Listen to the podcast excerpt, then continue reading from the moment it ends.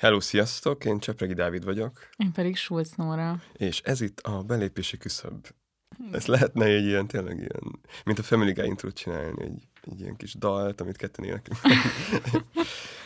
Most, hogy azért vagyok ennyire ilyen felszabadult, mert itt az évadzáró epizódot hallgatjátok, és ez azt jelenti, hogy ezután egy nyári szünet következik, ahol ki tudjuk pihenni az utóbbi hónapok, közel egy év fáradalmai.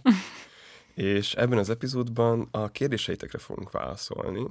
A kérdések különben nagyon szertegágazóak voltak, és alkalmat adnak arra, hogy beszegessünk kicsit hát megint magunkról, és a, és a podcastről, és a podcast különböző irányairól. Ja, én szóval én nagyon izgatott vagyok ezzel az epizóddal kapcsolatban, Úr, te mit gondolsz?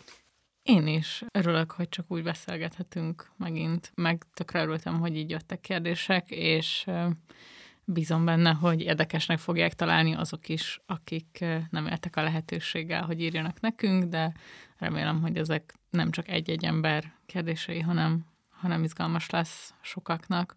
Úgyhogy ja, köszönjük, hogy velünk tartottak az egész évadon keresztül. Hogyha támogatni szeretnétek a Partizánt, akkor ennek az adásnak a leírásában is megtaláljátok az ehhez szükséges linkeket, meg elérhetőségeket, és ezt ezúton is nagyon köszönjük az egész évad alatt a támogatásotokat, meg a jövőben is. Az az ember, aki azt mondja, hogy nincs különbség bal és jobb oldal között, az jobb oldali.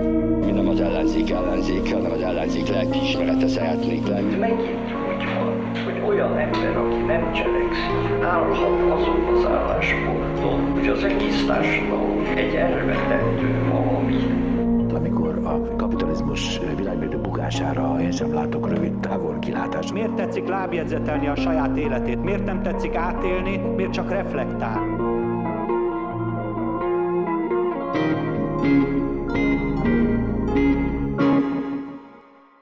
Legyen meglepetés az, hogy konkrétan milyen kérdések vannak, és szerintem csak kezdjük el az elejéről. Ja, nem, ja, jó. Vagy fel, elmondjuk, hogy milyen kérdések vannak. Ne, ne, ne, ne csak a napi kezdjük renden? el. Ne, nem kell. Ne. Jó. Szerintem um, is, az jó. Ugye itt... Uh, már nem hallgatják végig. ja, ki tudja, lehet, hogy a ti kérdésetetek is uh, benne lesz a um, a, igazából kezdjük a legelején, uh, mind a kérdések szempontjából, tehát, hogy ugye itt mikor már itt most beszélgetünk, ti már ha, végighallgatatok egy intrót, és hogyha ilyen hűséges hallgatóink vagytok, akkor ezt valószínűleg gyakran megtettétek már az utóbbi másfél-két évben. A legutóbbi adásban véletlenül kétszer is benne volt. Na hát, na, amúgy, amúgy szerintem nem haragudottam ilyet senki, ez egy csodálatos intro. és, de már többször felmerült az, és különben mi már többször válaszoltunk privátban embereknek arról, hogy kik ezek az emberek, akiknek a, az idézetei, vagy akiktől egy-két ilyen gondolatfoszlány benne az intróba, és, és akkor most így kezdésnek erről fogunk beszélgetni. Most nincs jöttem az intro, hogy így sorban, hogy vannak a... De, de szerintem a TGM-mel kezdődik. Nyilván. Ugye? Aki, aki se nem jobb oldali, se nem baloldali, az valójában jobb oldali, vagy valami ilyesmi. Igen, és aztán tőle van még az a... A végén is, igen. Ez a, a kapitalizmus... Uh, Világméretű bukására... Közeljövőben nem látom. Igen. igen, igen, igen. Ez a két gondolat Tamás Gáspár Miklóstól van, aki ről már valószínűleg hallottatok, hogyha hallgattok minket, ő egy marxista filozófus, és ez a két konkrét idézet, ez az új egyenlőséges interjújából származik, amit 2018-ban adott Pogácsa Zoltánnak. Az interjú az amúgy alapvetően arról szól, hogy mi a szociáldemokrácia jövője, de azon keresztül, hogy bemutatja, vagy bemutatják ketten beszélgetésen keresztül a szociáldemokrácia történetét, múltját, bukását, történelmi ö, dilemmáit, stb. Szerintem kibonthatjuk kicsit. Hát szerintem az egyik az Nyilván szerintem az egyik ilyen, az, egy, az első az egy ilyen odavágás, vagy egy ilyen odaszúrás, vagy frocizása azoknak, akik, akik elég sokan vannak egyébként, és úgymond azt ilyen tágon értve baloldalon belül is megjelenik ez a vélemény, hogy a jobb és baloldali fogalmaknak már nincsen manapság jelentősége, hogy ezeket így a kortárs gazdasági és politikai rendszer meghaladta, és ez alapvetően arra egy reakció erre, nem tudom, retorikai gesztusra, aki alapvetően ezt, ezt az egész kérdést meghaladottnak látják, és arra mutat rá, a, vagy arra próbál rámutatni a tégem, hogy ez nagyon sokszor valójában egy ilyen rejtett centrista vagy, vagy jobboldali státuszkó párti elköteleződést mutat, amikor, ezt a, amikor az ideológiai konfliktusoknak, vagy a világnézeti konfliktusoknak egy lefolytása, vagy, vagy a meghaladottságuknak hirdetése zajlik. Nyilván ez nem mindenkire igaz, nyilván vannak, vannak komplexebb öm, magyarázatok is amögött, amikor valaki arról beszél, hogy ezek a korábbi jobb és baloldali ellentmondások vagy, vagy konfliktusok nem olyan formában vannak, vagy nem úgy ma már, de azért szerintem ezt még mindig sokan ismerjük ezt a fajta ilyen, hát igen, alapvetően ilyen centrista, vagy a, a baloldalt tagadó, vagy a baloldalt legitimáló megjegyzésként megjelenő ilyen véleményt.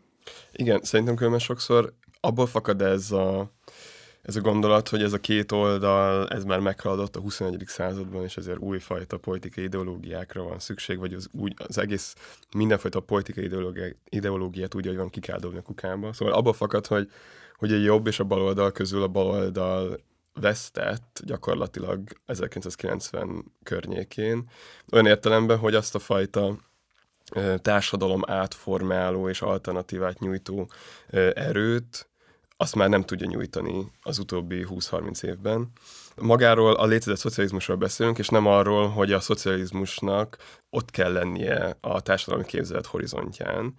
És ilyen értelemben persze, hogy mondjam, a, a politikai politikai porondon jelenleg a baloldal nem képvisel egy olyan tömböt, ami ki tudná hívni adott esetben különben a centrista vagy jobboldali tömböket is, ha bár egyre inkább látunk erre kivételeket már a centrumban is.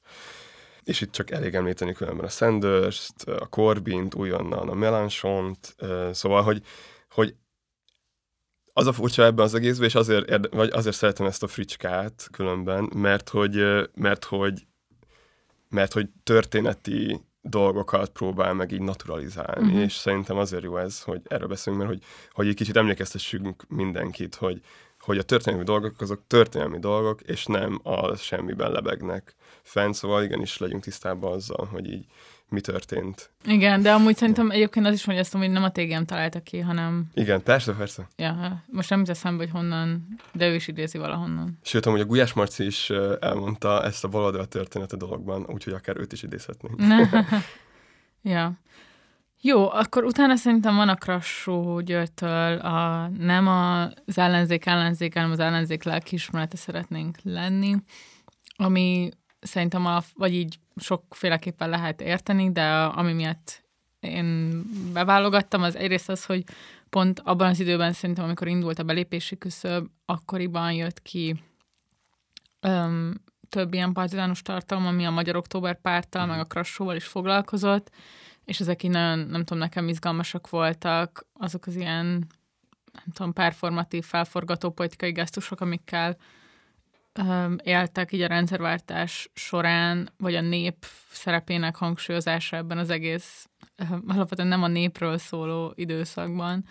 Szóval Szóval volt egy ilyen, nem tudom, inspiráció, és akkor pedig maga pedig az idézetet én alapvetően úgy szoktam érteni, hogy tehát, hogy azzal nem feltétlenül jutnánk sehová, hogyha egyfajta ilyen, ha egyszerre kiméletlenül kritizálnánk a kormánypártot és a kortás ellenzéket is, nyilvánvalóan mi nem, nem e, hogyha ilyen intézményes vagy reálpolitikai értelemben értjük, akkor nem fogjuk magunkat így pozícionálni, még hogyha adott esetben ugye lelkismereti, vagy, vagy bármilyen egyébként elméleti pozíció, vagy gazdasági elvek, vagy szociálpolitika kapcsán egyébként azért valójában akár az ellenzék ellenzéke is lehetnénk, de hogy ezt a, a nem tudom, a kortárs politikai rendszerben nem feltétlenül érezném én egy ilyen produktív pozíciónak, vagy egy ilyen feltétlenül egy igazán sokat jelentő álláspontnak, és hogy ilyen szempontból a, az pedig, hogy az ellenzék lelkiismerete, ott meg nyilván valamennyire problémás a lelkiismeret kifejezés, hogyha politikáról beszélünk, de hogy közben pedig szerintem ez mégiscsak jelzi azt, hogy, hogy van egy ilyen kritikai éle, vagy egy hát igen, igen, szóval egy ilyen kritikai viszonyban állunk azért valamennyire. Ja, ja, hát ez a teljesen egyetértek, vagy hogy én azért szeretem ezt a, ezt a kifejezést, mert hogy mert hogy van benne egy taktikai vagy nem kifejezés, Igen. azért szeretem ezt az idézetet, mert van benne egy ilyen taktikai belátása annak, hogy, hogy persze ez az ilyen kinövési stratégia, ez tök jól hangzik, meg, meg nyilván ebben van a legtöbb nem tudom, megtérülési lehetőség a, a siker esetén, ugyanakkor nem nagyon látszódik jelenleg az, hogy siker elérhető a már politikai porondon aktív szereplőkkel való szövetség kötés nélkül. És akkor ilyen értelemben különben pont az együttműködésen keresztül mi, mint egyfajta lelkiismeret hatni tudunk a már aktív politikai szereplőkre, pártokra, csoportokra, szóval és ja, hát én azért én, én, én örülök annak, hogy, hogy, hogy ilyen szempontból nem mindent a nulláról kell kezdeni, még akkor is, hogyha sokszor különben tökre így látszódik. Ja. Különben a Krassó most csak így más, de hogy nagyon érdekes az ő öccse, és a Krassó Miklós. Van egy szuper interjú vele az interneten, majd belinkelem a leírásba, ő egy ilyen furcsa furcsa marxista, 56-ban is aktív volt, és aztán egy ponton New Left Review-nak lett a szerkesztője. Wow, ezt nem tudtam. Igen, igen, még fizettek is neki valamennyit, de egy nagyon bohém ember, mondjuk úgy volt. Hát a, a György, a Krassó, igen. igen. Um, ja, hát igen, itt szerintem csak annyit fontos mondani, hogy ez a történeti kontextusából egy, egy uh, hát, szemérmetlenül kiragadott idézet, és, és nyilván mi úgy értjük, ahogy értjük, de nem biztos, hogy ez a leghelyesebb interpretációja. Ja, és akkor még van egy Lukács idézet, amit, um, amit random találtam egyszer egy interjút a Lukáccsal YouTube-on, ami valamilyen digitalizált um, bakelit lemezről került föl, csinálni ilyeneket a YouTube, ilyen automatizált feltöltéseket valahogy, én nem látom át ezt pontosan, hogy, uh-huh. hogy van, és akkor ott, uh, ott találtam ezt egyszer, és ebben így alapvetően a 60-as évek második felében készült, 70-ben publikálták, és arról beszél a Lukács, hogy alapvetően milyen lehetőségei vannak az antikapitalista nem tudom, gondolkodásnak, és olyan szempontból érdekes, hogy tehát, hogy ez mi is sokszor megkapjuk, vagy sokszor megkaptam, meg úgy balosok szerintem alapvetően, pont amiatt a helyzet miatt, amiről te beszéltél az elején, hogy nincs úgymond komolyan vehető vagy jelentős baloldali blokk, hogy,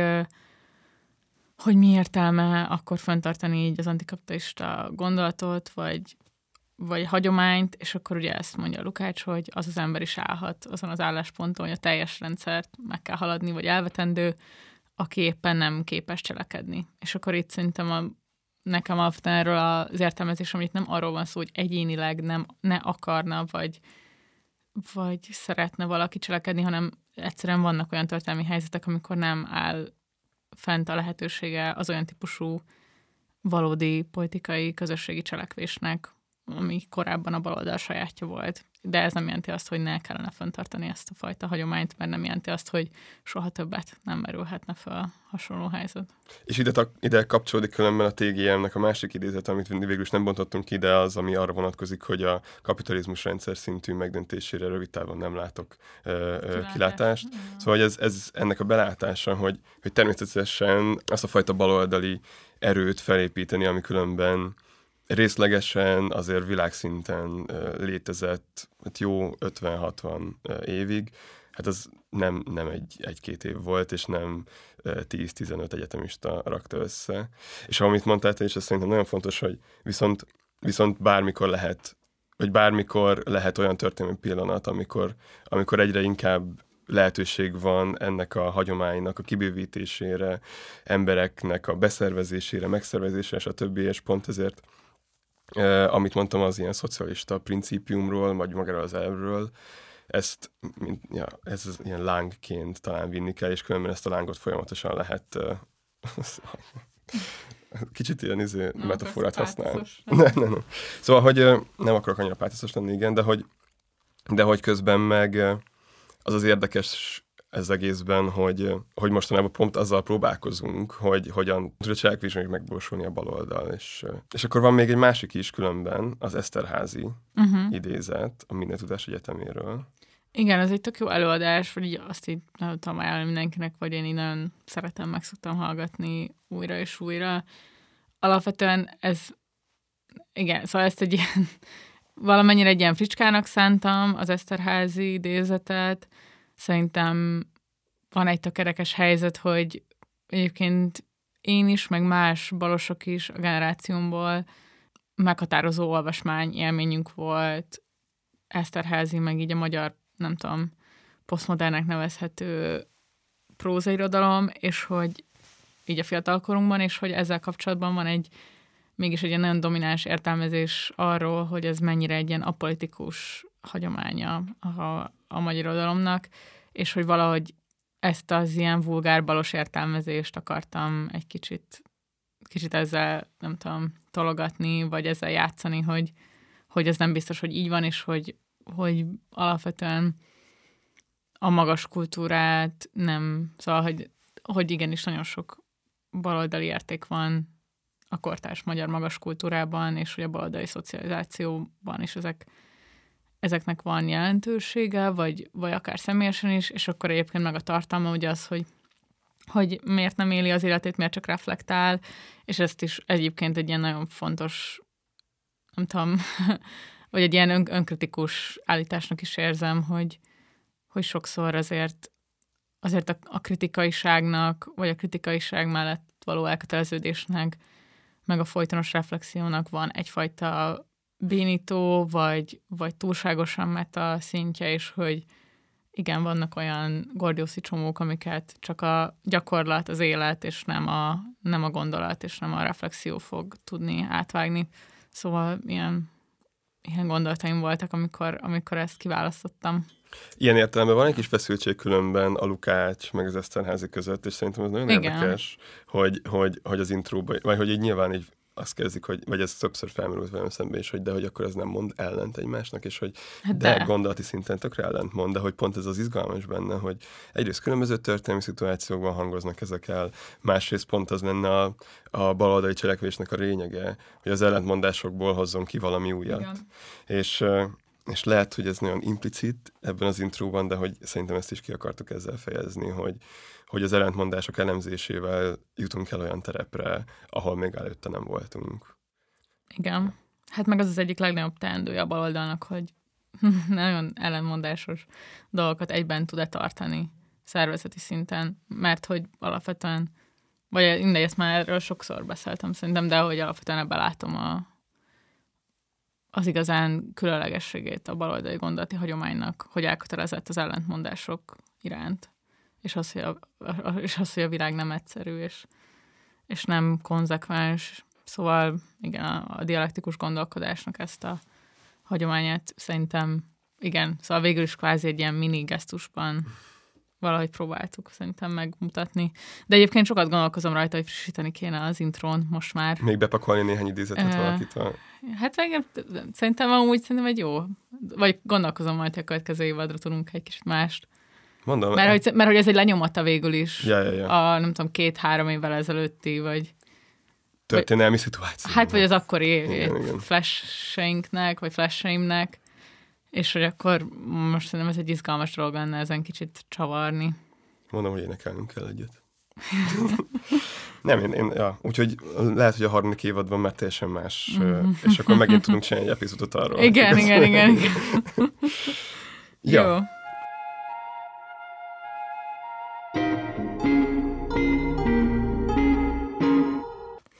Na, erről nagyon érdekel, hogy mit gondolsz, Dávid, aztán beszélek róla én is. Szerinted a Partizán meg tudta őrizni a baloldaliságát?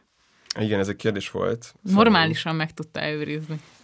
Nem tudom, van-e jelentősége a normálisannak? Mm, hát amúgy, amikor a, amikor a Schleimmel találkoztam, akkor nem merült fel bennem, hogy ez egy baloldali projekt lenne. A Partizán indulásán viszont deklaráltam volt, és szerintem nagyon izgalmas tartalmak voltak rögtön generálva ezáltal a kollektíva által. És az utóbbi néhány évben bennem az nem merült fel soha, hogy a baloldalisága az megkérdőleződött volna, vagy kompromittálva lett volna, vagy nem tudom, mert hogy úgy gondoltam például az olyan tartalmakra, amik nem explicite baloldaliak, hogy, hogy egyszerűen generálni kell nézettséget ahhoz, hogy különben a baloldali tartalmak, amik szerintem konstans megállás nélkül különben generálva voltak a partizán által, azok több emberhez jussanak el. Szóval itt van egyfajta ilyen gradualitási mozzanat az egészben. Másrészt különben a nem baloldali tartalmakban is csomószor magam a Gulyás Marcinak az attitűdje, az, a, a kérdezési módszer és a többi, azok így pont azt akarják tematizálni, azt, hiszem, azt nem szabad mondani. Igen, azt hogy ezt pont nem szabad mondani. De hogy, de hogy azt, azt hivatottak így, szóval az ilyen rejtett struktúrákat próbálják így felfejteni, mit tudom én, popstárok, meg tévészemélyiségek működése mögött, és ja, hát most nyilvánvaló, hogy a partizán társalgóban nem csak baloldali emberek vannak például, Sőt. meg nyilvánvaló, hogy a hogy nem minden partizán videóra lehet azt mondani, hogy, hogy, ez, hogy az antikapitalista propagandát próbálja átadni YouTube-on keresztül, de hogy ilyen kompromisszumokat meg kell hozni szerintem ahhoz, hogy fenntartható projektet, fenntartható csatornát, és fenntartható csatornát hozzunk létre, pont azért, mert hogy Közben azok a tartalmak, amik meg explicit ezzel foglalkoznak, most is ugye újra publikálva a baloldal története, van egy csomó podcast, vagy né, négy, három-négy podcast van most, ami, ami megásnak ilyenekkel foglalkozik, a videók között is rengeteg ilyen van. Vannak projektek, amik lemennek vidékre, és gyakorlatilag a vidék valóságát mutatják meg. Ezzel. Szóval, hogy szerintem Szóval bennem ez nem merült fel, uh-huh. nyilván. Lehet, hogy volt egy-két videó, amivel nem értettem egyet, vagy uh-huh. amivel vitatkoznék, de hogy az sosem merült fel, hogy a, hogy a partizán a liberális értelmiség szócsövévé vált volna, vagy valami ilyesmi.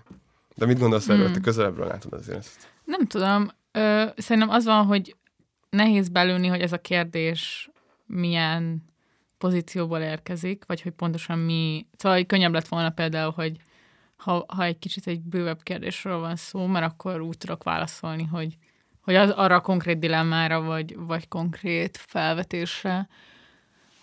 Mm, hát szerintem egyébként a választási időszakkal kapcsolatban szerintem ez egy eléggé releváns kérdés, meg egy, egy kritika tud lenni. Én magam is sokat gondolkodtam azon, hogy, a, hogy az előválasztási, meg a választási mhm. rócsó, választási hét, stb ezekből én személyesen is hiányoltam adott esetben, de látva a többi szerkesztőnek, meg az egész partizánnak a munkáját, azért azt is gondolom, hogy amikor lehetett adott kereteken belül, akkor meg azért igyekeztünk ezt mindig behozni.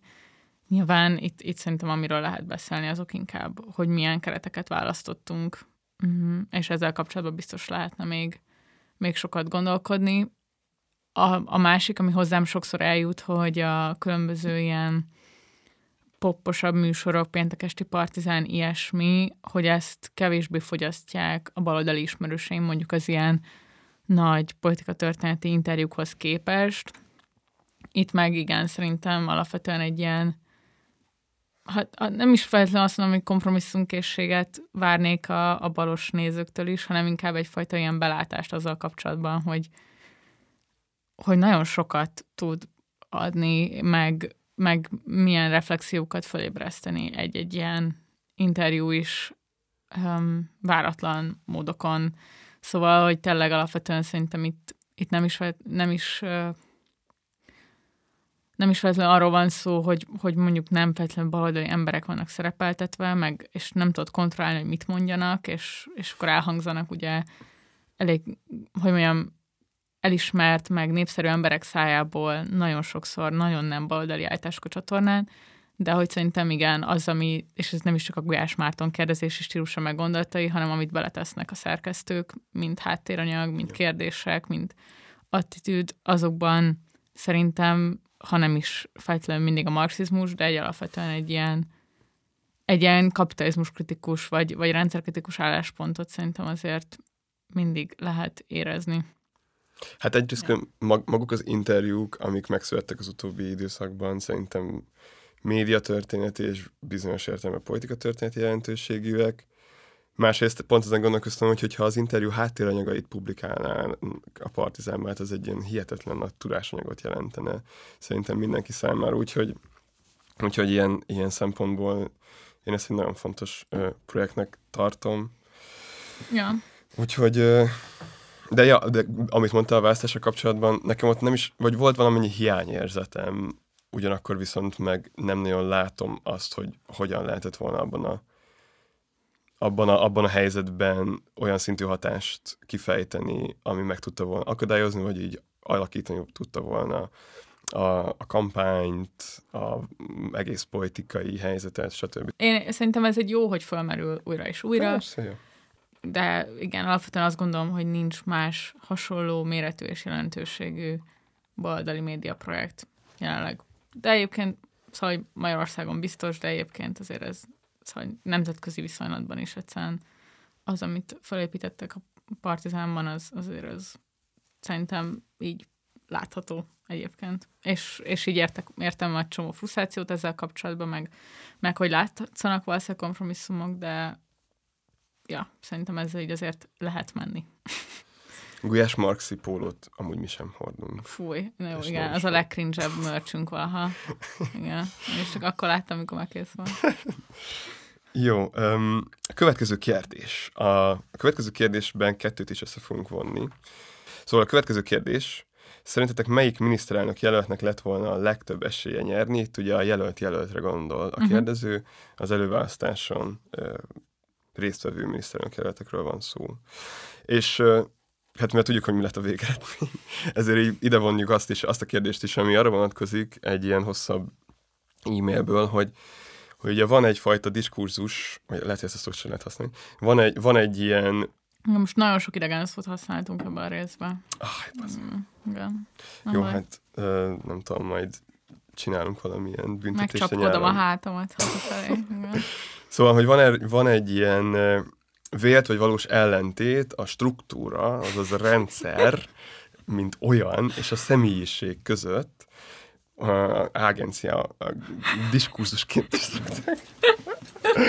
szóval itt, itt ugye az a kérdés, hogy, hogy hogyha például történelemről beszélünk, akkor melyiknek van nagyobb hatása a személynek, mit tudom én, egy királynak, egy nem, egy költőnek adott esetben, vagy egy politikusnak, vagy magának a társadalom történeti és anyagi valóságából fakadó mozgásainak, stb. És, Erről láttam egy tweetet, vagy Na, valamelyik akkor nap. valaki megfejtette. Igen, és az volt a tweet, és nagyon tetszett, hogy így, vagy most tükörfordításban, hogy fú, nagyon izgalmas volt ez a struktúra versus agencia vita, Hát a struktúra nyert, sziasztok. Mert hogy ez egy ilyen évtizedes vita a társadalomtudományban, meg a társadalomtudományos elméletben, és így tényleg már így ki van tőle szerintem mindenki. Igen, igen, és hogy a, és hogy a, a, a kérdés az itt úgy merül fel, hogy, vagy hogy am, ahogy, amit én mondani akartam például erre, még mielőtt kimondanánk, hogy hogy a Jakab Péter lett volna a legjobb miniszterelnök, az, az, az, hogy, hogy, hogy természetesen ez egy vita, és mint olyan, természetesen van, vannak ilyen összebékítetetlen részei ennek a két szálnak. Ugyanakkor viszont be kell látni azt, hogy, hogy a kettő, mind a, mind a személyiség és az agencia, mind pedig a rendszer és a struktúra, az így egy, és ugyanahoz tartozik.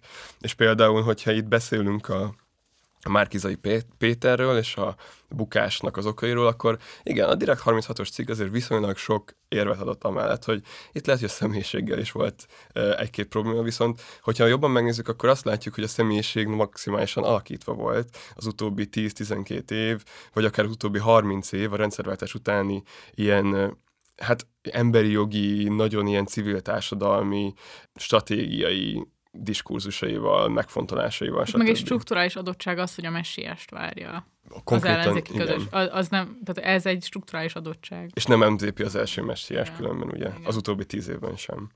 Úgyhogy, úgyhogy itt uh, nyert a struktúra, de, de ott van a személyiség is a struktúrában. Igen, és így nyilvánvalóan, szóval, hogy ilyen privát véleményem, meg nekem volt is végig az előválasztás alatt, ezzel triggereltem is egy csomó embert, hogy, tehát, hogy én a végletekig kitartottam amellett, hogy nem fogok jobboldali jelöltet támogatni az előválasztáson, mert halálosan biztos voltam benne, hogy jobboldali politikával nem lehet választást nyerni. És így nyilván valahol ilyen megnyugvást ö, okoz az, hogy most ez a fajta ilyen vélemény legalább így teret nyert, meg egy pár hétig létezett a nyilvánosságban, nem túl sokáig sajnos. Um, vagy hát ki tudja, reméljük, hogy még ehhez talán visszatalálunk a következő politikai szezonban. De hogy ezzel kapcsolatban itt tényleg nem, nem is feltétlenül arról van szó, hogy itt egy konkrét személy esélyesebb lett volna, hanem egy másik fajta politikai ajánlat Igen. kellett volna, és így, és itt ilyen szempontból az MZP egy ilyen ő egy ilyen jelölő, amit azt érzem, hogy így bele, vagy így megtestesíti ezt a fajta, kár, ezeket a káros tendenciákat, meg azokat a tanácsokat, azokat a közpolitikákat, amik alapvetően igen, azért korábban is el volt már mondva az a vélemény sokak által, hogy ezek nem biztos, hogy rezonálni fognak hát a magyar társadalommal. Bocsánat. Nem, ennyi. Igen, hát az, hát az ellenzéki közös program, ami még az egész előválaszt, miniszterelnöki előválasztás eredménye előtt jött ki, arról beszéltünk mi is, hogy ez egy viszonylag szociálliberális, legalább így balra hajló program volt, és és ami, és, de hogy ennek ellenére semmi garancia nincs arra, hogy ugyanezek az emberek, akiket nem is tudom, hogy hívtuk az utóbbi 30 év csontvázai a szekrényben, vagy, ezek, vagy a yeah. keselyük, vagy nem tudom, szóval hogy semmi nem, semmi nem garantálja azt, hogy, hogy ez a bizonyos ilyen értelmiségi, szakértelmiségi frakció ne jelent meg volna a, egy másik, egy másik mész. Pontosan igen, szóval, hogy hogy ja, hát ez a klasszikus klisé, hogy a történelemben nincsenek ha kérdések. Egyszerűen, Igen. ja, ezt kell, ezt, ezzel kell menni, és ebből kell tanulni. Én legszívesebben nyilván azt mondanám, hogy a botkának kellett volna lenni. A miniszterelnök jelöltnek, azt akkor Hát azért ez nehéz. Az mekkora háború lett volna különben valószínűleg. Na, de, de ért, ért, szóval, hogy ez is hülyeség, hogy azt mondom, a botka, hogy a botkának hát kellett persze, volna lenni. Meg, persze, igen. Meg azért. Ez is egy vágy, vágyvezére hát dolog. Hát abszolút, tehát azért ő nem véletlenül nem lett az. Igen. Korábban, és, és az is és azóta is azon dolgozik, hogy amúgy milyen jó lett volna, hogy jó lett volna, mert hogy, szóval hogy a saját mítoszát épít. Igen, és igen, igen, szóval, hogy ezek azért... Különben érdekes, hogy ez a, ez a kérdés ez még él, vagy hogy bennem így, vagy nekem az volt a furcsa, hogy, igen. hogy nekem, én Túl úgy éreztem, vagyok rajta, hogy, igen, hogy április három. Igen, igen, az MZP-nek a tweetjét olvasom, meg a Facebook posztjait, nagyon szomorú, mindig ilyen félig be van csukva a szemem, hogy ez a csávó még mindig tolja, és még mindig arról beszél, hogy így őt ennyire kisemmizték közben amúgy az MMM megválasztotta újra elnöknek, szóval, hogy így ja. status quo, minden, ja. szerintem, hogy felejtjük el. És szerintem az előző epizódban amúgy egy csomó olyan érvet szolgáltattunk amellett, hogy, hogy nem a miniszterelnök személye volt csak a döntő, és a Nóra is erre utalt, vagy te is erre utaltál, hogy, hogy itt egyszerűen az van, hogy nem végeztük el, vagy az ellenzék nem végeztem el még azt a munkát se igazán, hogy megértse, hogy miért létezik a Fidesz gyakorlatilag, és miért ilyen magas a legitimáció, és miért ilyen erős a támogatottsága olyan csoportok között is, akiknél ez nem lenne egyértelmű, szóval... Ja, igen, ez jó átvezető egyébként a következő témára, mert az, az, az egyik június elején volt egy TGM cikk, és, és ugye ő ebb, uh, nem erre az állításra kérdezett rá a kérdező, de hogy ott beszél erről a TGM, hogy az az egyik legnagyobb baj az ellenzékkel, hogy, hogy így le van nyűgözve Orbán Viktor által. Ja, ja, ja és hogy valahol én nekem ez most egy ilyen tökre egy ilyen frusztrációm ezzel a fajta állásponttal, hogy valójában nem az a baj, hogy le van nyűgözve, meg, meg, meg dicsőíti, vagy, vagy így elfogadja a NER realizmusát, és azt, hogy ez az egyetlen ilyen politikai ajánlat, hanem még mindig nem képes teljesen megérteni, vagy, vagy így internalizálni a tanulságait annak, hogy mit épített fel a Fidesz, és hogy, és hogy kicsit att, attól, vagy ez a gesztus, hogy, hogy túlságosan le van nyűgözve az ellenzék Orbán Viktor által, valahogy így szerintem, el, vagy így valahogy tartok attól, hogy így nehezebbé teszi azt, hogy megtörténjen ez a reflexió. Na mindegy, most nem tulajdonítok ekkora jelentőséget annak, hogy nem, ezen, én, ezen a gondolaton... De szerintem van jelentősége, hogy amikor ritkán ír a TGM még most uh, aktuálpolitikai cikket, akkor abban mi van, és, és most például ez az állítás ilyen szempontból engem frusztrált, mert hogy ez mindig megkapják azok, akik elemzik a Fideszt, hogy valójában az apologétái a mhm. rendszernek. Uh-huh. Én amúgy ezt úgy értelmeztem, ezt a, ezt a gondolatot, hogy azáltal van lenyűgözve a, az ellenzék, hogy az Orbán ebben a pozícióból, most függetlenül attól, hogy hogyan került ide, ebből a pozícióból képes még mindig arra, hogy jól kormányozzon. Olyan értelemben, hogy megőrizze a saját pozícióját, és a többieket marginalizálja, és még így is a legitimációját maximalizálja. Uh-huh. És ugye ez a tapasztalat, ez nincs meg azért a mai ellenzék körében, mivel a 90-es, 2000-es években azért nem a jó kormányzás jellemezte a, a, a kormányokat, meg a magyar politikát, hanem pont az, hogy volt egyfajta vágyvezérlés, volt valami érdekkövetés, de hogy nem sikerült kihozni egy társadalmi kompromisszumot ebből soha, és ebbe bele is buktak. És szerintem ez nyugazi le az ellenzéket, uh-huh. és ezzel nem tudnak mit kezdeni. És ilyen értelemben amúgy magukat tényleg tehát defetizálják, mert hogy valójában azzal kéne valamit kezdeni, hogy hogyan jutottunk ide. Ja. És ahhoz meg önreflexiót kéne gyakorolni, sokkal inkább, stb. És Szóval, hogy, hogy, hogy igen, de különben maximálisan igaz, amit mondasz szerintem, hogy, hogy attól, hogy megpróbáljuk megérteni, attól még nem az apologétáival. Ja, de az volt a kérdés egyébként ennek a TGM címnek a kapcsán, hogy miért írja, hogy a szocializmus részben a felvilágosodás ellenfele. Ja, ja, ja. Ez er, erre jutottál valami ebben, Dávid? Abszolút. De ez, ez az ilyen elmélet podcast. Nem, sziasztok, menjetek elő egy forró teát, írjátok le kényesen. Nem, tehát amúgy, amúgy is valahogy is fel akartam az az évadzáróban ezt a szöveget, a, de majd még később utalok rá, szóval, hogy a Marxnak van egy szuper írása Louis Bonaparte Brumér 8-ája címen, és ott ezt amúgy nagyon szépen kifejti. Alapvetően az érv az az, hogy a szocializmus az gyakorlatilag elfogadja a felvilágosodásnak az ilyen emberi jogi, szabadságpárti vívmányait, csak kiegészíti azzal, hogy ahhoz, hogy ezek az absztrakt jogok érvényesének a valóságban, szükséges egyfajta anyagi előremozdulás is, egyfajta anyagi kiterjesztése is ezeknek a jogoknak, azon túl, hogy a burzsóázia magántulajdonnal rendelkező része követeli ezt az akkori arisztokrácián. Viszont azért ellensége, mert hogyha, hogyha a szocializmus és a munkásosztály ezt az anyagi szabadság kiterjesztését eléri, akkor magának a felvilágosodásnak az anyagi alapjait rombolja le, ami ugye a burzsóáziának a, hát az ilyen univerzalisztikus, de valójában az érdekeit elfedő, nem tudom, hatalmi pozícióját jelenti. Ez nem tudom, mennyire volt érthető. De hogy, szóval, hogy a felvilágosodással, mint ilyen eszmei dologgal a szocializmus egyetért, csak kevésnek tartja ezt.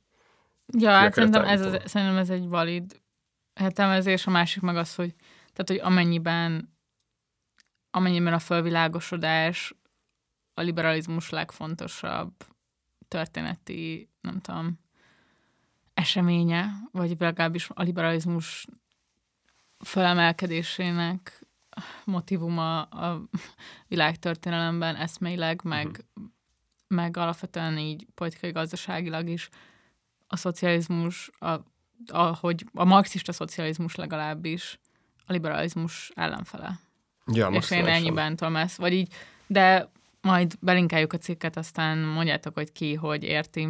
Um, szerintem ez egy ilyen nagyon sűrű mondás. Persze. Amit most nem biztos, hogy úgy bontottuk, bontotta ki egyikünk se, ahogy a TGM gondolta. Ja, ja, ja. Úgyhogy ennyi jutott eszembe arra. Igen, igen, igen. De hogy az, az szerintem fontos, hogy azt is megemlíti, hogy, hogy különben letéteményese, vagy legalábbis így tovább ja, Tehát ja, itt nem, nem arról van szó, hogy, egyfajta, hogy a szocializmus ez egy ilyen antiértelmiségi, vagy ilyen an, anti-elméleti dolog lenne, ami, ami a fölvilágosodásnak a vívmányait egy egyben meg akarja szüntetni és lerombolni, hanem, Persze. hanem ennél bonyolultabb a, a viszony, és ja. Igen. Miért van az, hogy nincs igazatok az etikus fogyasztás és a vegánság kapcsán? Kérdezi egyik vegán, eh, minimalista életet élő etikus fogyasztó hallgatónk. Ja, hát elevenítsük fel, hogy itt uh, erről mi csináltunk egy külön epizódot még az első évadban, Igen. azt hiszem, még a nappalinkban. Igen. uh, és hát arra a konklúzióra jutottunk, hogy itt persze nagyon szép dolog etikusan fogyasztani azzal a motivációval, hogy ez majd egy ponton, hogyha mindenki csinálni fogja, megdönti a kapitalista kizsákmányoló világrendszert, de hogy azért ez egy illúzió több szempontból is, tehát így az, hogy elérjük azt, hogy mindenki így fogyasszon, az így viszonylag sokáig tartana, hogy mindenki oda megyünk, és így meggyőzzük a vegánságról. Másrészt meg hogy az, azért, mert a jelenlegi károsanyag kibocsátás és természetromboló magatartás és tevékenység az különben azért még mindig elsősorban a termelési oldalon jellemző, és kevésbé a fogyasztási oldalon. Zárójelbe zárva, az, hogy ebben miért ne lenne igazunk, azt még nem tudom, Nura, mond, hogy te... Nem tudom, szerintem, a, szerintem itt az az egyik, vagy ezt értem, hogy ez egy ilyen frusztráció tud lenni, hogy úgy hangzik, mintha nem értékelnénk a, az egyéni igyekezetet, vagy uh-huh. ágtelződést. De én úgy emlékszem, hogy egyébként abban a részben is azért elhangzott a részünkről, hogy, hogy mi is nem tudunk nem figyelni erre valamennyire, vagy hogy alapvetően tekintve, hogy már egy olyan generációban nőttünk föl, ahol általános iskolától kezdve nyomasztanak a klímaváltozással, szerintem már csak ezért is nem tudnám eszébe jutni az embernek. Ö, szóval szerintem Csináljátok, persze. Szerintem igazunk akkor. volt abban a részben, de lehet, hogy nem fogalmaztunk elég szofisztikáltan azzal kapcsolatban, hogy, hogy milyen mozgástere van igen egyéneknek, vagy hogy ez mennyiben egy valid öm, dolog személyes stratégiaként erre gondolni. Hát, Szem, e, igen. hát erre rímel különben az is, amit a, a miniszterelnök jelenetekkel kapcsolatban mondtunk, meg a struktúra agencia vitával kapcsolatban. Ja, ja hogy, hogy hogy ne igazából, ahogy, ahogy a Nóri mondta, a struktúra megjelenik az ember személyiségében azáltal, hogy gyerekkora óta azzal van traktálva, hogy a fogyasztáson keresztül lehet a valaki jó ember, meg különben egyáltalán a fogyasztáson keresztül létezünk. Ugyanakkor viszont azt meg kell látnunk, hogy a struktúra pont úgy van gyakorlatilag kialakít, vagy a személyiségek azok megőrizik a status quo-t. Szóval ilyen értelemben, hogyha gyerekkorunk óta kapjuk ezeket a jeleket, akkor érdemes azért elgondolkozni azon, hogy ez valójában része a rendszernek, öm, vagy tényleg ezáltal lehet-e rendszer szintű változást elérni. Ja, ez, igen, tehát a lázadást is gyerekkorunk óta kapjuk, ugye a Viva TV, meg az MTV, meg a filmekben is aztán. Jó kis club rotation. Ja, nagy lázadás van. és aztán megváltoztatod a profilképeret, és nem változik semmi. Igen. De akkor miért jó bármit is csinálni? Uf, miért? Nem jobb elmenekülni nem innen? Hát a választások utáni epizódban egy kicsit beszéltünk talán. Igen, meg a Kamilának, a Vida Kamilának igen, van igen. egy cikk erről, ami a választások után, majd ezt belinkeljük. Um, hát én alapvetően azt gondolom, hogy, hogy elmenekülni innen, szóval, hogy... Hova? igen, tehát, hogy a globális kapitalizmus ban nem pontosan tudom, hogy mi elől hova tudnék elmenekülni, és majd belinkelek még egy dolgot, ami egy ilyen egyetemi diplomaosztón egy ilyen beszéd, azt hiszem a Harvardról, és ez mindegy arról szól, és remélem tök nagy hatással volt pár évvel ezelőtt, mikor láttam, hogy így a mély elköteleződés, közösségek, meg helyek, meg ügyek iránt, de tényleg az éveken át tartó, kitartó munka, jelenlét, hogy ezeknek ilyen borzasztó nagy értéke van, és hogy ezzel kapcsolatban szerintem e, van egy ilyen fajta konzervatív antikapitalista gesztus, amit meg lehet tenni azzal, hogy elkötelezett maradsz a közösséged, a helyed, vagy az vagy ügy iránt. Nyilván ez mindenkinek valami más lesz, vagy nem mindenkinek lesz ilyen, de hogy uh, ilyen szempontból azt szerintem így inspiráló tud lenni, majd, majd belinkelem azt is. Um, igazából tényleg csak ennyi az állítása, hogy, hogy mekkora érték tud lenni a kitartásban. És yeah. hogy ezek most tényleg ilyen Jordan Peterson szintű megmondásoknak tűnnek, mm. hogy pakold össze a szobádat, meg nem tudom, gondoskodj magadról, de nem, pont azt akarom mondani, hogy, hogy a közösség felé való kitartás, és, és ilyen szempontból igen, szerintem itt vannak olyan értékek, amiket a kortás kapitalizmus kevésbé értékel, de emberközi viszonyokban pedig nagyon, mégiscsak nagyon fontosak tudnak lenni. Nagyon jó, hogy megemlítetted a Jordan Peterson-t, mert pont azt akartam mondani, hogy így hát újra néztem valamilyen fétisből kifolyólag a Zsizsek Peterson vitát, és ott a Zsizsek pontosan erről beszél, hogy ugye ott az egész vita gyakori szerveződött, hogy mit jelent a boldogság. És ott a Zsizsek amellett érve, hogy persze boldognak lenni az így jó, meg így az átmenetileg egy ad egyfajta ilyen nem tudom, visszajelzés, hogy ha jó ebben a világban létezni, stb., de hogy az, hogy egy ügy nek rendeld magad alá, és az adjon egy csomó kérdésre választ a saját egyéni életedben, az nagyon alul értékelt, és ugyanakkor viszont sokkal hosszabb távú és sokkal szélesebb körű kielégülést okoz az élet során, és persze itt lehet azt mondani, hogy ez, hogy itt egyfajta ilyen kommunista nosztalgiát akar a zsizsek felébreszteni, de hogy pont ez a szomorú, hogy, hogy az, hogy elkötelezett vagy egy ügy mellett, az már így viccé van. Igen. Tehát ilyen gyak- gyakorlatilag így. Igen, igen, igen, mm. mert hogy mindenkinek a saját magát kell megvalósítani. Meg, hogy minden csak jó emberkedés. Szerintem ez is ugyanez, hogy így az altruizmusnak, vagy a, vagy a bármifajta ilyen, nem tudom, személyes, személyes ilyen közvetlen érdekek vagy érzések alárendeléssel valamilyen intézménynek vagy közösségnek ez ilyen balfasságnak van tekintve, Igen. vagy pedig jó emberkedésnek. Igen, és a jó emberkedésen és a balfasságon kívül van az, hogy tényleg közösségben, egy hosszú távú cél érdekében, szolidaritásban együtt dolgozol másokkal, és igen, annak különben része lesz boldogság, annak része lesz különben szomorúság, meg idegesség, meg stressz, meg stb., de hogy mindegy teljesen más világításba kerül azáltal, hogyha így tiszta vagy azzal, hogy nem feleslegesen stresszelsz, vagy nem feleslegesen fáradsz el.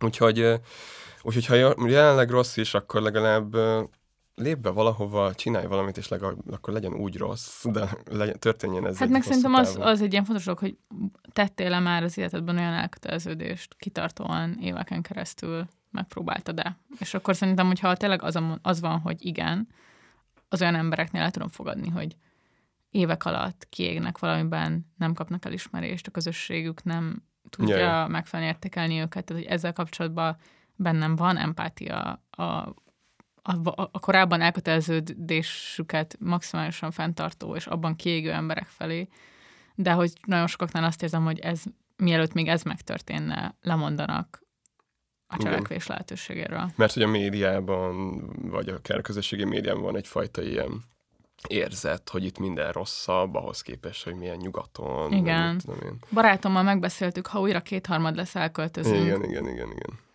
És amúgy tök érdekes, meg például a nyugati baloldali pártok közül, most a legutoljára a belgákkal, vagy belgákat hallottam erről beszélni, ők egyre több szavazatot nyernek különben választásokon, és pont az a stratégiájuknak a legfontosabb része, hogy két-három évvel egy választás előtt ö, oda költözik valaki, az egyik pártagjuk, vagy az egyik tagjuk egy településre, uh-huh. ott vállal a munkát, és ott ö, részt vesz a közösségnek, és ezáltal végez szervezői munkát. Tehát, hogy az a fajta elköteleződés, hogy tényleg te így, ha úgy tetszik a saját életedből két-három évet feladja arra, hogy egy helyi közösséget megszervez, azt szerintem nem csak Magyarországon különben, de hogy világszerte hiányzik a baloldalon, és és hogy ez szerintem nem, tehát hogy nem egy rossz gondolat az, hogyha ezzel újra elkezdünk így, ezzel a gondolattal úgy, újra elkezdünk mm. foglalkozni, és a gyakorlatban keresni az útját.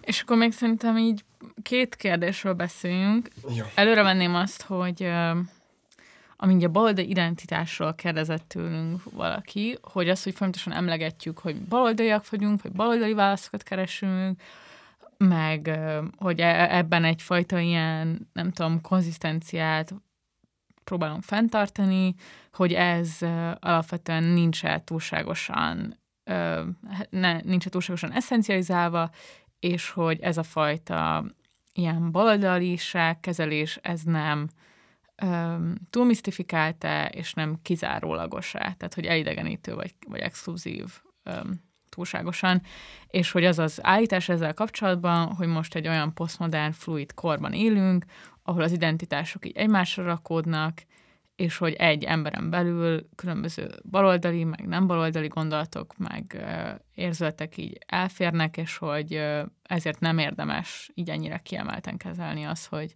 baloldaliak akarunk lenni.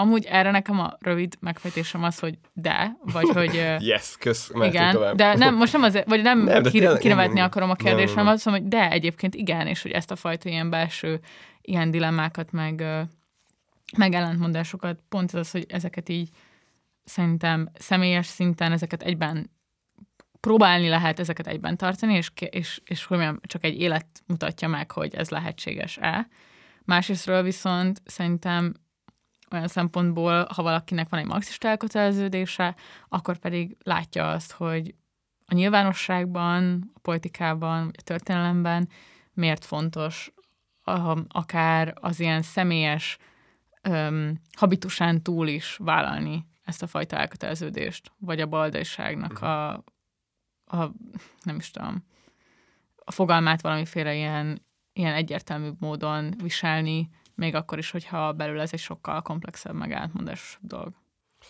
Kicsit ez az ilyen kérdés, és abból, in, abból az alapfeltevésből indul ki szerintem, hogy az egész jobb és baloldali dilemma az meghaladott, és ez a, a baloldali identitás, mint, ilyen, mint olyan, az anakronisztikus, de, de hogy... Hát am, amúgy igen. Igen, de hogy amit az, igen, de hogy amit az elején is mondtam, szóval, hogy, hogy oké, okay, hogy az a fajta baloldal, ami különben számunkra Magyarországon a posztszocialista történelmi állapot miatt a Kádár, meg a Rákosi, meg a Sztálin, stb. Szóval, hogy az így minden jóval és rosszal együtt megbukott. Attól függetlenül a társadalmi berendezkedés az, az így bizonyos értelemben rosszabb, meg maga az, hogy hogyan szervezzük a társadalmainkat, hogyan szervezzük a termelést, milyen demokratikus és nem demokratikus intézményeink vannak az államban, szóval stb. Szóval hogy az a bőven ad még elég cselekvési teret a baloldali projekt számára.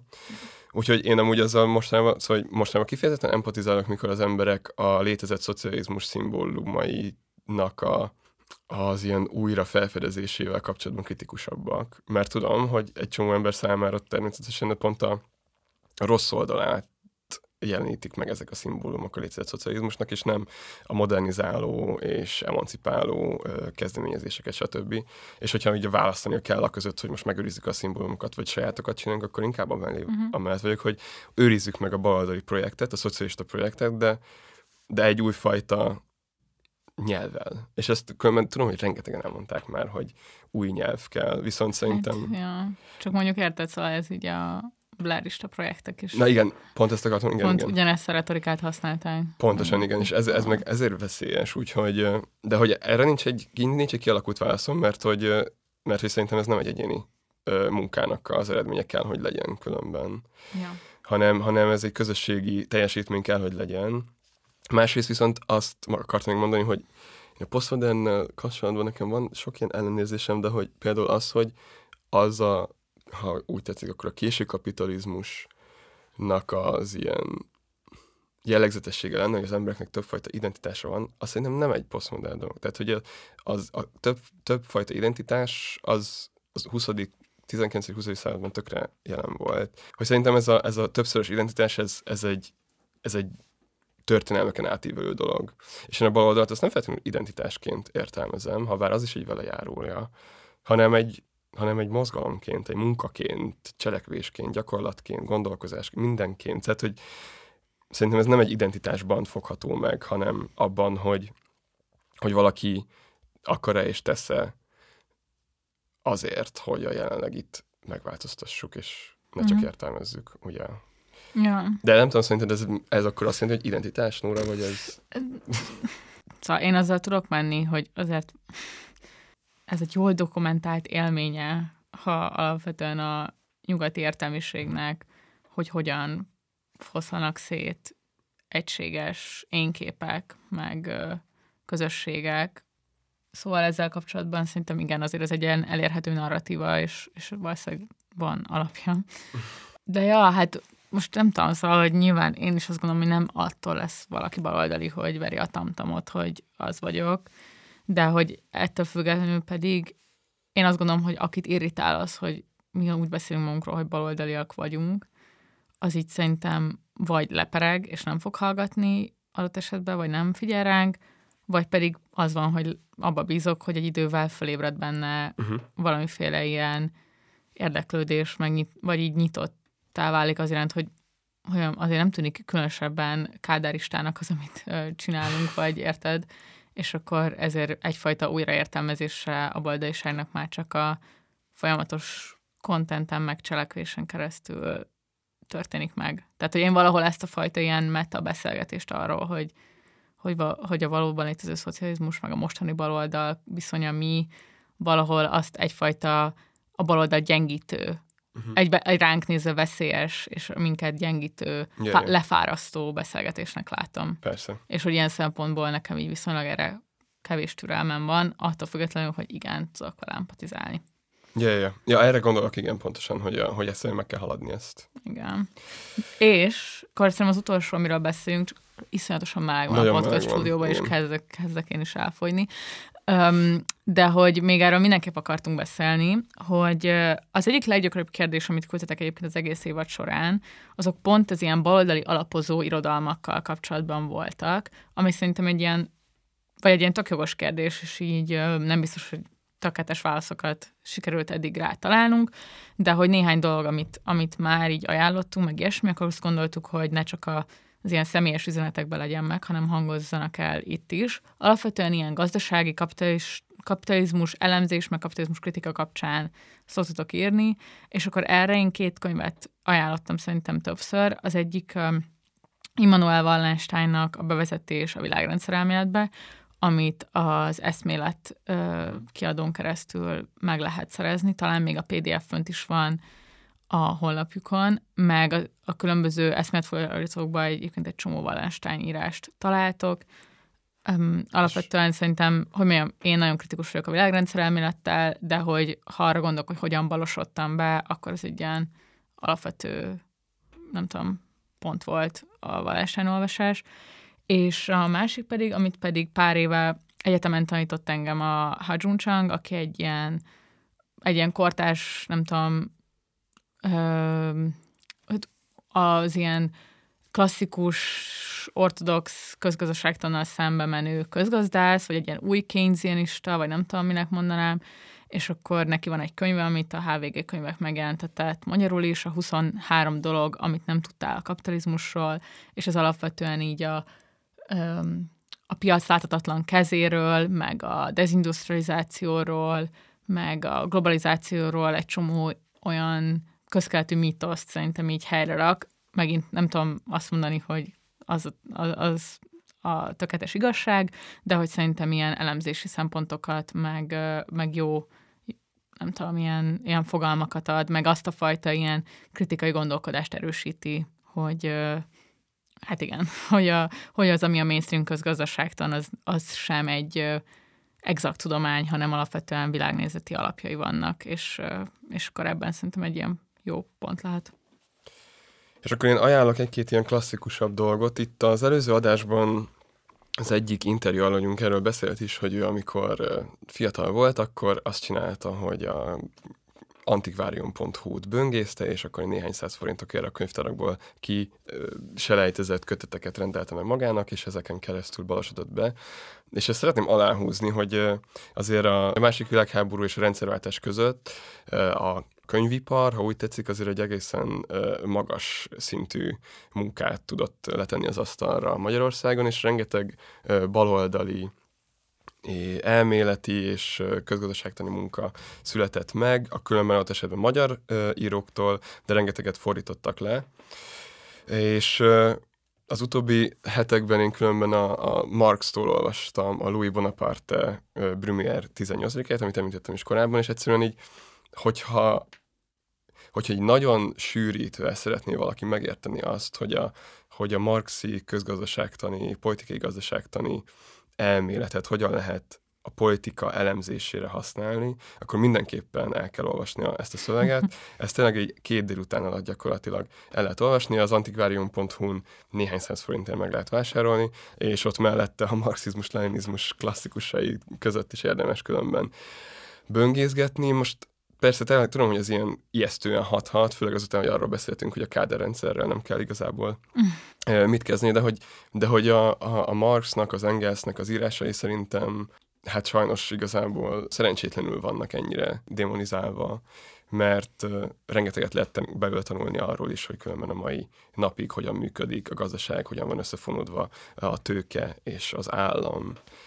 És annyi, hogy mindenképpen vagy ne, ne lustálkodjatok és tényleg nézzétek meg a, a lábjegyzeteket, mert azáltal válnak értetővé ezeket a szö, ezek a szövegek. Most ez lehet, hogy egy ilyen tan, tanárban Ez a, belép, a belépési küszöb nem, nem, nem, de lőve. Hogyha például, hogyha például nem olvastam volna el a lábjegyzeteket, akkor nem értettem volna, hogy melyik francia rendőrfőnök kicsoda, és akkor így. Szóval, hogy ez egy ilyen, ezek ilyen nagyon jól megírt dolgok egy csomószor különben, és így egyszerűen élvezetes ja. becsöpeni ebbe a világba. Um, de hogyha, szóval hogy igen, szóval hogy tényleg például a vallásnak az ökötet, amit említettél, hát az, az tényleg belépési küszöb, tehát ez szerintem yeah. egy tök jól megfog, megírt, tök jól összesűrített, 200 oldalba összesűrített uh, uh, elemzési módszertan. Igen, meg amúgy az a baj, én még szerintem ilyen angol nyelvű dolgokat tudnék ja, ja. mondani, de most például a, az itt eszem, hogy egy csomó ugye elolvassák a kommunista manifestót, és uh-huh. hogyha már valaki azt akarja olvasni, akkor van egy tök jó angol kiadás, amihez a Gary Stedman Jones eszmetörténész írt ilyen bevezetőt. Szóval, hogy ezek az ilyen kritikai, meg kommentáros kiadások szerintem azért hasznosabbak tudnak lenni. Persze, igen, ilyen, igen. Mint hogy simán csak neki állsz és olvasod, mert nem biztos, hogy feltétlenül azt mondja, vagy úgy mondja, hogy inkább érdemes keretezni. Főleg a manifestónál, ja. tehát azt még nyilván a magában az életműben is egy ilyen nagyon vitatott ja, pozícióban lévő írás. Különben az eszméletre el is lehet fizetni, Igen. és nagyon olcsó, egy évre 4000 forint, és hogyha előfizetsz egy évre, akkor elpostázzák neked a fizikai példányt, és online is olvashatod pdf szóval én ezt nagyon ajánlom még mindig, és abban szuper szövegek vannak különben. Vagy én, én mindig meglepődöm azon, hogy így Ja, hát én, én úgy lettem be, hogy lementem a gimibe, a könyvtárba, és eszmetet olvastam. És, és ezt a színvonalat tudják hozni egyszerűen a mai napig, szóval, hogy csináljátok ezeket, meg lehet, meg lehet tényleg, hogy ezek ilyen elérhető közelségben lévő dolgok. Nagyon rossz, mert az optimistákat még nem olvastam, pedig uh-huh. azt mindig szoktad ajánlani. Nagyon de szép. a nagymámnál megtaláltam a Sinkó Ervinnek a regény-regénye, ami az optimisták kiadásának sztoria, és ugye a 30-as években most még ott tartok, hogy megérkezett a Szovjetunióba, és ennek az ilyen ellentmondásairól beszél. Most volt egy tök jó rész, hogy Nietzsét hogyan próbálták egy ilyen, az ilyen fasizmus gyökereinek beállítani, yeah, yeah. és, és így eszembe jutott az ilyen kortás cancel culture, meg ilyesmi, szóval egyébként nagyon izgalmas, nagyon tudom ajánlani, ilyen napló részletek, meg ilyesmi. Nekem úgy az, hogy ezek működnek most, amik ilyen, mert nagyon utálok fejezetek közben befejezni dolgokat, és akkor ja. így, ezt így le lehet tenni.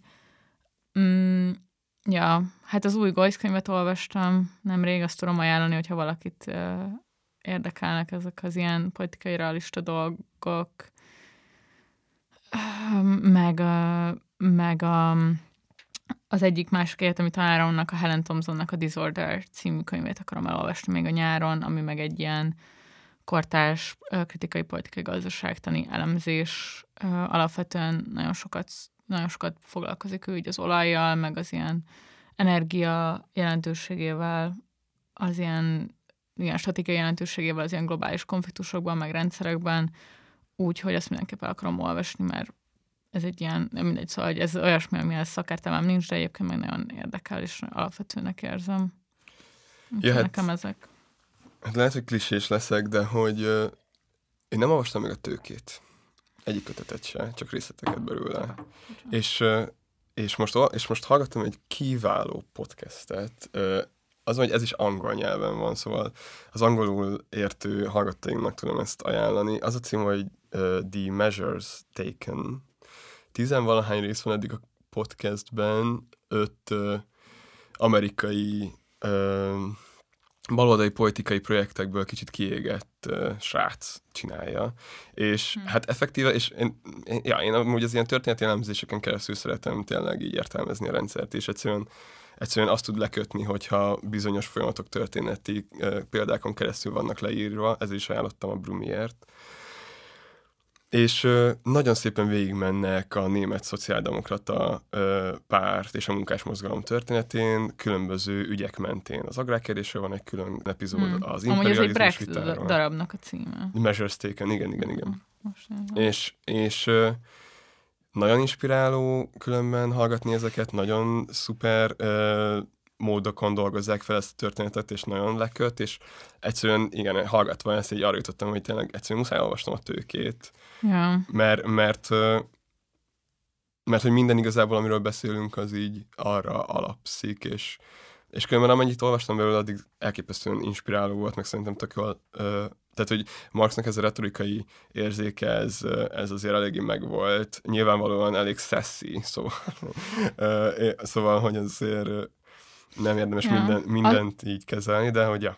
Azt hallottam, pont múlt héten voltam egy ilyen irodalomtudomány és kapitalizmus kritika egy szemináriumon, és ott azt hallottam, hogy azt szokták mondani, hogy úgy érdemes olvasni a tőkét, hogy az első három fejezetet skippeled, skippeled igen, igen, elolvasod, és utána a végén mész oda, mert hogy egy csomóan elkezdik, és megijednek a igen. sok elmélettől, és hogy amúgy meg aztán meg tényleg egy csomó sztori van, meg, yeah. meg konkrétum, meg elemzés, szóval... Igen, meg az első három fejezetben fejti ki az, a, a pénz, áru, pénz, igen, az igen, egész, igen, meg, tehát magának az ilyen a, a politikai gazdaságtanak az ilyen abstrakt kritikáját, és utána történeti példákon keresztül bontja ki ezt. Szóval, hogy ez a nagy vállalásom, és amúgy, hát nyilván három kötetet lenne érdemes olvasni, de majd meglátjuk, hogy mi lesz belőle. Csak az első valódi Marx szöveg. Fú, ebben vagy... a podcastben azt mondták, hogy ha a harmadikat nem olvastad, akkor nem is vagy marxista.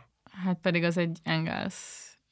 Az a negyedik. Az, igen? Szerintem ja, ja, ja, már nem, szerintem már Ja, igen, igen, igen. A, a, harmadik, a másikat és a harmadikat már az Engels rakta össze, igen, a negyediket meg a Kautsky. Igen, úgyhogy ja. azért erről megosztanak a vélemények. Anyway. uh, ja, és amúgy Brecht, nagyon ajánlom, olvastatok Brechtet. Igen, uh, nagyon könnyen elérhető szintén, a drámai csodálatosak. Csomószor ilyen könyvszekereken 300 forintért. Igen. Igen. Ha Budapesten jártak, akkor mindenképpen nézzétek meg ezeket, mert megdöbbentő, miket lehet megszerezni.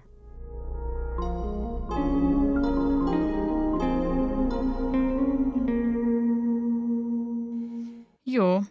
Um, nem tudom, akarsz még valamit mondani a nyárról? Bármiről? Hát remélem, hogy sikerül kicsit kipihenni az utóbbi időszakot, ha bár azért régebben voltam ennyire motivált, mint az hmm. utóbbi hetekben, szóval és tudom, hogy az ilyen furcsán hangzik, de erről mert tényleg sokat beszéltünk, hogy a negyedik két harmad után hogy lehet valaki motivált. Ja, biztos a szocializmus teszi. Köszi a kérdéseket, és akkor, hát pontosan nem tudjuk, hogy mikor, de valószínűleg a partizános évad indulásával hasonlóan időzítve kitaláljuk még, hogy mi lesz a belépés köszöbb következő évada, de tervezzük folytatni, és köszi, hogy velünk voltatok idén. Ciao. Ciao.